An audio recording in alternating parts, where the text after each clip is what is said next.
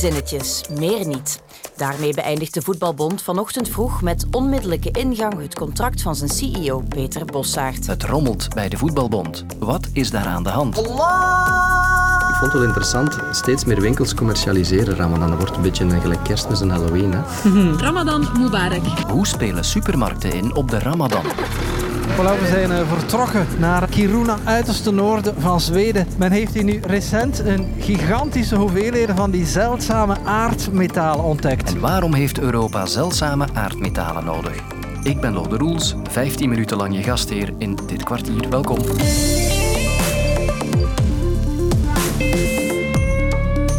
We beginnen met nieuws uit het voetbal. Niet over de Rode Duivels die morgen in Zweden spelen, maar wel over hun baas. Peter Bossaert, de CEO van de Voetbalbond, is met onmiddellijke ingang ontslagen. Dat nieuws is zo pas binnen. Net voor hij naar Zweden vertrok, kon ik collega Peter van den Bemt nog onderscheppen met de vraag waarom de CEO moet vertrekken. Wat er gebeurd is, is dat de voorzitter van de voetbalbond, Paul van den Bulk, een advocatenkantoor heeft eh, ingeschakeld nadat hij heeft ontdekt dat de CEO Peter Bossaert een jaar geleden in februari een loonaanpassing heeft gekregen, een soort indexatie eigenlijk, met een terugwerkende kracht van vier jaar. Eh, niet alleen op zijn eh, loon, maar ook op zijn bonus. En dat er ook eh, bepaalde voorwaarden werden gecreëerd, waardoor de bonus eigenlijk de facto, door ja, ik zou zeggen, het lichte karakter van die voorwaarden, telkens voor de volle 100% zou zijn toegekend. En vooral heeft hij dat gedaan achter de rug van de Raad van Bestuur om. En het is dat wat de huidige voorzitter, Paul van den Bulk, bijzonder kwalijk heeft genomen. En dan heeft hij dat advocatenkantoor ingeschakeld. En dat is tot de conclusie gekomen dat dat allemaal toch niet volgens de regels van de kunst was. Er zijn dus twee hoofdrolspelers in dit verhaal. De nu voormalige CEO Peter Bossaert en de huidige voorzitter van de Raad van Bestuur van de Voetbalbond, Paul van den Bulk.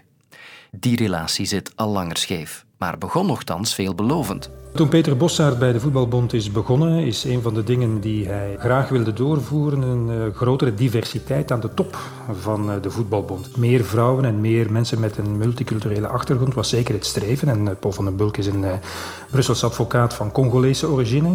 Dus het is op voorspraak van de CEO Peter Bossaert dat Van den Bulk eerst een jaar in de Raad van Bestuur heeft gezeteld en dan effectief ook bondsvoorzitter is, is geworden. Maar dan is uh, gaandeweg de relatie tussen die twee verslechterd.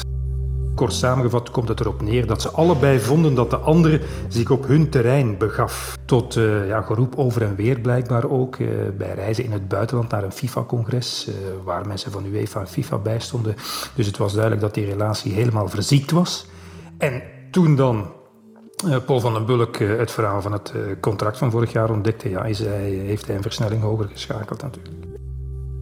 Kijk, heel dit verhaal is, is zeer schadelijk voor de reputatie van de voetbalbond en bij uitbreiding voor het voetbal natuurlijk, want het gaat alweer over geld. Een spel van macht en rijkdom. Je kunt fortuin maken en verliezen. Helaas is dit geen spel, maar de harde realiteit met kwalijke gevolgen. Wat vele leden van de Raad van Bestuur onbegrijpelijk vonden, is dat Peter Bosuit al een flink mooi salaris had en, uh, en goede bonussen die hij ook altijd weer kon, uh, kon incasseren. En dat men daarom niet heeft begrepen dat het blijkbaar nog niet genoeg was. Goed bestuur, het blijft dus een heikel thema.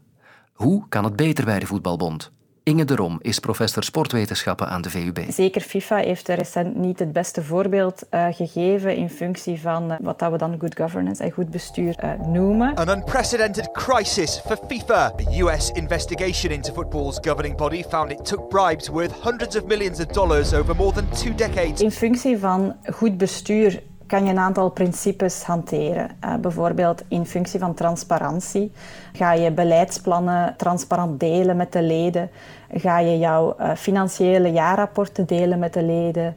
Ga je meegeven wie er verkozen werd als een bestuurslid en wat de achtergrond is van dat bestuurslid? Dus ga je eigenlijk zorgen van oké, welke documenten die je als basis neemt in je federatie, ga je die ook delen, transparant met het brede publiek en jouw leden, zodat ze dat kunnen raadplegen. Wanneer we kijken naar bijvoorbeeld de verkiezingsprocedures, op welke manier kunnen mensen nomineren voor een bepaalde positie? Uh, ga je ervoor zorgen dat mensen slechts een bepaald aantal jaren actief kunnen zijn als bestuurslid en ga je daar een limiet op zetten? Ga je zorgen dat atleten vertegenwoordigd zijn in bepaalde meetings? Dat zorgt dan meer voor democratie in de federatie.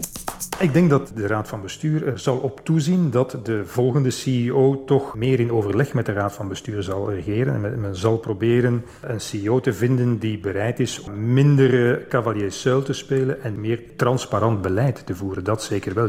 Uh, meer overleg tussen de Raad van Bestuur aan de ene kant, die vooral dus inderdaad een controlerende functie moet uitoefenen, en de nieuwe CEO. Dus wat de bond nu zal doen, is op zoek gaan naar een nieuwe CEO die dan de voetbalbond kan leiden natuurlijk. Een nieuwe, frisse start zo bij het begin van de lente lijkt me wat een goed idee. Maar goed, nu vooral hopen dat de Rode Duivels morgen de eerste stap richting EK zetten en winnen in Zweden. En wie weet komen ze daar ook mijn collega Jens Fransen tegen, maar dat is voor straks.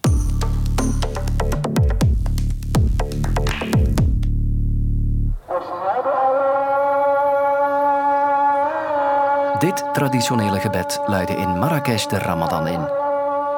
De jaarlijkse vaste periode voor de moslims is gestart. Gisteravond bij zonsondergang ook in ons land. Veel moslims zullen een maand lang overdag niet eten of drinken.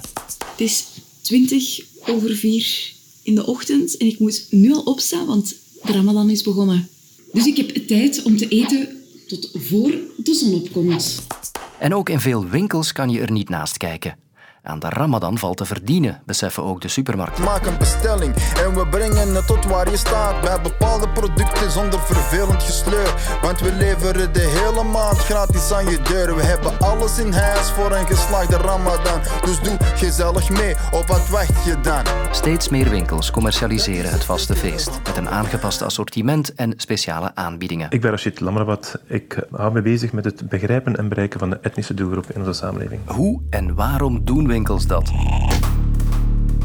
Dus wat je vandaag hebt is twee lagen, eh, drie lagen, sorry. Je hebt de, de retail, die een bepaalde campagne uitwerkt, die eigenlijk het vaste maand of de, de, de, vaste periode lanceert. En dan heb je de tweede laag. Dat is vooral dat de supermarkten vandaag ook de ruimte maken in hun supermarkten. Om te zeggen van oké, daar dat is toch een hoekje of dat is een, een, een afdeling of een rayon die wij voorzien om Ramadan producten of producten die te maken hebben of die een link hebben met Ramadan, om die daar te gaan positioneren. En, en dat, is, dat is juist eigenlijk interessant, want van dat je dat hebt, krijg je ook fabrikanten of merken die de ruimte krijgen ook om iets specifiek te gaan maken of om iets specifiek te gaan doen uh, in die periode. Dat de klanten het kunnen terugvinden in de winkel. Dus dat is eigenlijk een beetje, dat is hoe dat het vandaag werkt. Vindt u dat goed eigenlijk, dat dat, dat gebeurt? Is dat een goede zaak? Het is, het is dubbel. Hè. Je, hebt heel veel, je hebt heel veel kampen die dit een beetje als godslastering zien, die een, een, een vrome maand plotseling wordt omgetoverd naar een ja, iets feestelijker gegeven.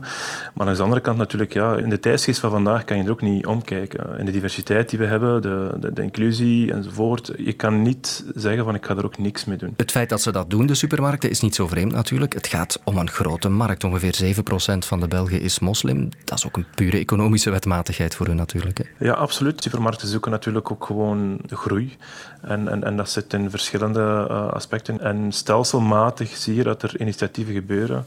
En dat is wel mooi. Uiteindelijk is, is dat wat we willen ook. Hè. We willen natuurlijk samen in één winkel kunnen gaan shoppen. Zowel jij als ik, Lode. En ah ja, dat is uiteindelijk het doel. Is elke winkel daarmee bezig of zijn er winkels die het beter doen dan anderen? Je hebt natuurlijk koplopers. Hè. Onze buitenlandse vrienden natuurlijk zijn echt koploper op, op dat vlak. Zeker de Albert Heijn, die doet het fantastisch. En natuurlijk, dat, dat is natuurlijk over ons land. Hè. Er zijn natuurlijk veel betere andere voorbeelden in, in het um, verdere buitenland. Maar als ik het echt heb over België, dan is Albert Heijn wel de koploper in wat betreft alles wat te maken heeft met inclusie. In het brede vorm ook in de veggies zijn ze echt wel koploper. Dus niet alleen maar op halal of op diversiteit. Ze zijn echt wel koploper in, in al die zaken. We kunnen dat alleen maar omarmen. Hè. Je hebt zoveel feestdagen die echt wel heel mooi zijn. Chinees nieuwjaar bijvoorbeeld. Je hebt Diwali bijvoorbeeld, waar een heel belangrijke feestdag is voor de Indische en de Pakistaanse, de Urdu-gemeenschap. En dat is eigenlijk gewoon, is gewoon leuk. Ook al heb ik daar geen enkele affiniteit mee. Allee, ik heb niks met Chinees nieuwjaar of met Diwali. Maar als ik zie welke producten dat daar tegenover staan en hoe dat ze het versieren, de kleuren, de, ja, dan lijkt me dat gewoon tof. Dat is gewoon superleuk. Doet u trouwens zelf mee aan Ramadan? Ja, je hoort misschien aan mijn stem. Het, het lijkt alsof ik wakker geworden ben, maar het is, het is omdat ik nog geen koffie gehad heb.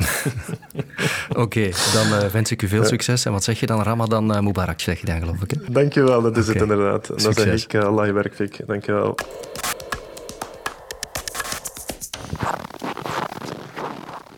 Wat je hier hoort is het uh, geluid van mijn voeten in de sneeuw. Ijskoud is het nu. Staalblauwe lucht. Dit is mijn collega Jens Fransen. En nee, hij is niet op skivakantie, maar wel op reportage in het uiterste noorden van Zweden. Waarom? Wel, daarvoor moeten we even terug naar Brussel. Want daar komen vandaag en morgen Europese leiders samen om enkele belangrijke dossiers te bespreken.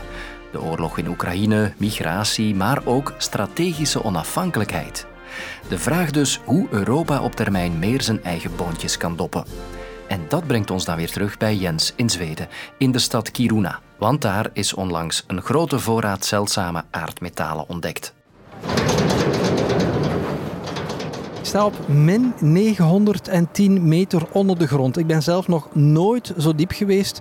Het is uh, donker, maar er zijn links en rechts uh, lichtjes. Een van die lichtjes staat op het hoofd van Laura, dat is een ingenieur van de mijn hier. Laura, um, wat zijn de mensen hier aan het doen? What are the people doing? They are making an exploration tunnel uh, towards the Perrier ore deposit. Dus hier wordt eigenlijk een nieuwe toegang uh, geboord richting ja, die rotsen eigenlijk waar dan die zeldzame aardmetalen zitten. Het is dus een aansluiting op de bestaande mijn. Yes, so the Kiruna mine has been here ever since 1899 when they started mining in Kiruna. And uh, now we need to extend the mine. Ja, het is dus een mijn die al meer dan 100 jaar bestaat, maar die nu wordt uitgebreid. How big is Kiruna? Kiruna mine? Uh, Kiruna mine is actually the biggest underground mine in the world. So uh, we have over 600. De mijn hier in Kiruna is de grootste wereldwijd. En om je maar één cijfer te geven, hier liggen voor meer dan 600 kilometer aan wegen onder de grond. En in die grootste mijn ter wereld wil Europa zeldzame aardmetalen dus ontginnen. En dat is belangrijk. Ik kreeg twee geologen aan de lijn. Axel Skjokvist van de Universiteit van Göteborg in, jawel, Zweden. ja, in Zweeds zeg je, we zeggen allemaal hey, hey, hey, zeggen we. En Anouk Borst van de KU Leuven. De aardmetalen die ze daar uh, gevonden hebben zijn eigenlijk een groep van 17 metalen eigenlijk. Het gaat om uh, de zeldzame aardmetalen. En dan hebben we het voornamelijk over elementen zoals neodymium, praseodymium, dysprosium en terbium. En dat zijn niet van die elementen die je nou 1, 2, 3 uh, vaak te horen krijgt. Maar die zijn wel onwijs belangrijk voor de energietransitie. Die metalen worden in uh, heel veel verschillende toepassingen gebruikt. Vooral voor magneten. Uh, magneten zitten in allerlei technieken, maar vooral in de elektrische auto's en windmolens. Windmolens is een gigantische uh, afzettingsmarkt voor de zeldzame aardmetalen. Er worden heel veel zeldzame aardmetalen gebruikt in spaarlampen, beeldschermen voor telefoons, computers etc. Uh, er zijn echt ontzettend veel uh, toepassingen voor deze metalen. Europa is vandaag volledig afhankelijk van import van deze metalen vanuit China. En dat betekent dus dat China in wezen ook controle heeft over uh, of wij de energietransitie in Europa kunnen doorvoeren. Ja, dat, dat komt natuurlijk doordat China dan de mogelijkheid zou kunnen hebben om die toevoer van metalen te kunnen beperken. Niet alleen halen ze het uit de grond in China, maar ze verwerken het ook. En dat is um, het moeilijke aan deze metalen, omdat het zoveel verschillende metalen zijn die samen zitten in één mineraal. En die moeten allemaal onafhankelijk van elkaar gescheiden worden. Dat is een heel complex proces en daar heeft China zich in gespecialiseerd. Dus mocht Europa een klein deel van, van deze metalen zelf kunnen produceren, zou dat um, ons wat minder afhankelijk maken van China. En, en het hebben van een eigen mijn in Europa is dan ja, daar toch de beste manier voor om onafhankelijk te worden. Men is nog in een vroeg stadium van onderzoek om te zien ja, hoe dat er allemaal uitziet en wat er allemaal in zit. En daarna hebben ze ook nog een lang traject voor de boeg uh, om overal uh, vergunningen voor te krijgen, zodat die ook ontgonnen kunnen worden, die metalen. We hebben nog een, een lange, lange weg voor de boeg. Het gaat nog een aantal jaar duren, maar uh, we hebben in Europa wel een goede mogelijkheid om deze metalen te kunnen produceren. Wij houden het hier voorlopig bij het opdelven van interessante nieuwsverhalen. Morgen brengen we alweer drie nieuwe stukken naar boven. Tot dan. Een spectaculaire tunnelroof, een aanslag en een kind dat aan een razzia ontsnapt.